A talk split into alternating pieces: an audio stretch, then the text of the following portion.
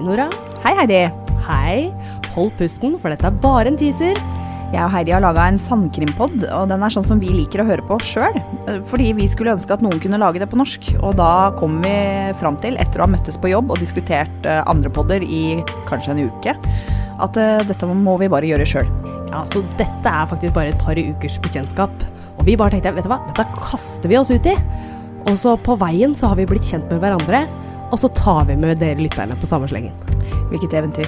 Vi snakker om krimsaker fra inn- og utland, og vi banner fritt. Og vi forbanner gjerninger og gjerningspersoner. Eh, vi diskuterer også teorier og utveksler eh, meninger, så det er veldig Vi har mye meninger. Dette er som en personlig samtale mellom to venninner, og du får lov å være flua på veggen hvis du vil. Vi kunne på forhånd ingenting om lydredigering, så de første episodene lider litt av dette her. Men med tiden har vi blitt bedre, Nora. Det har vi. Eh, vi bytter på å fortelle hverandre en historie annenhver uke uten at den andre på forhånd veit hva vi skal si.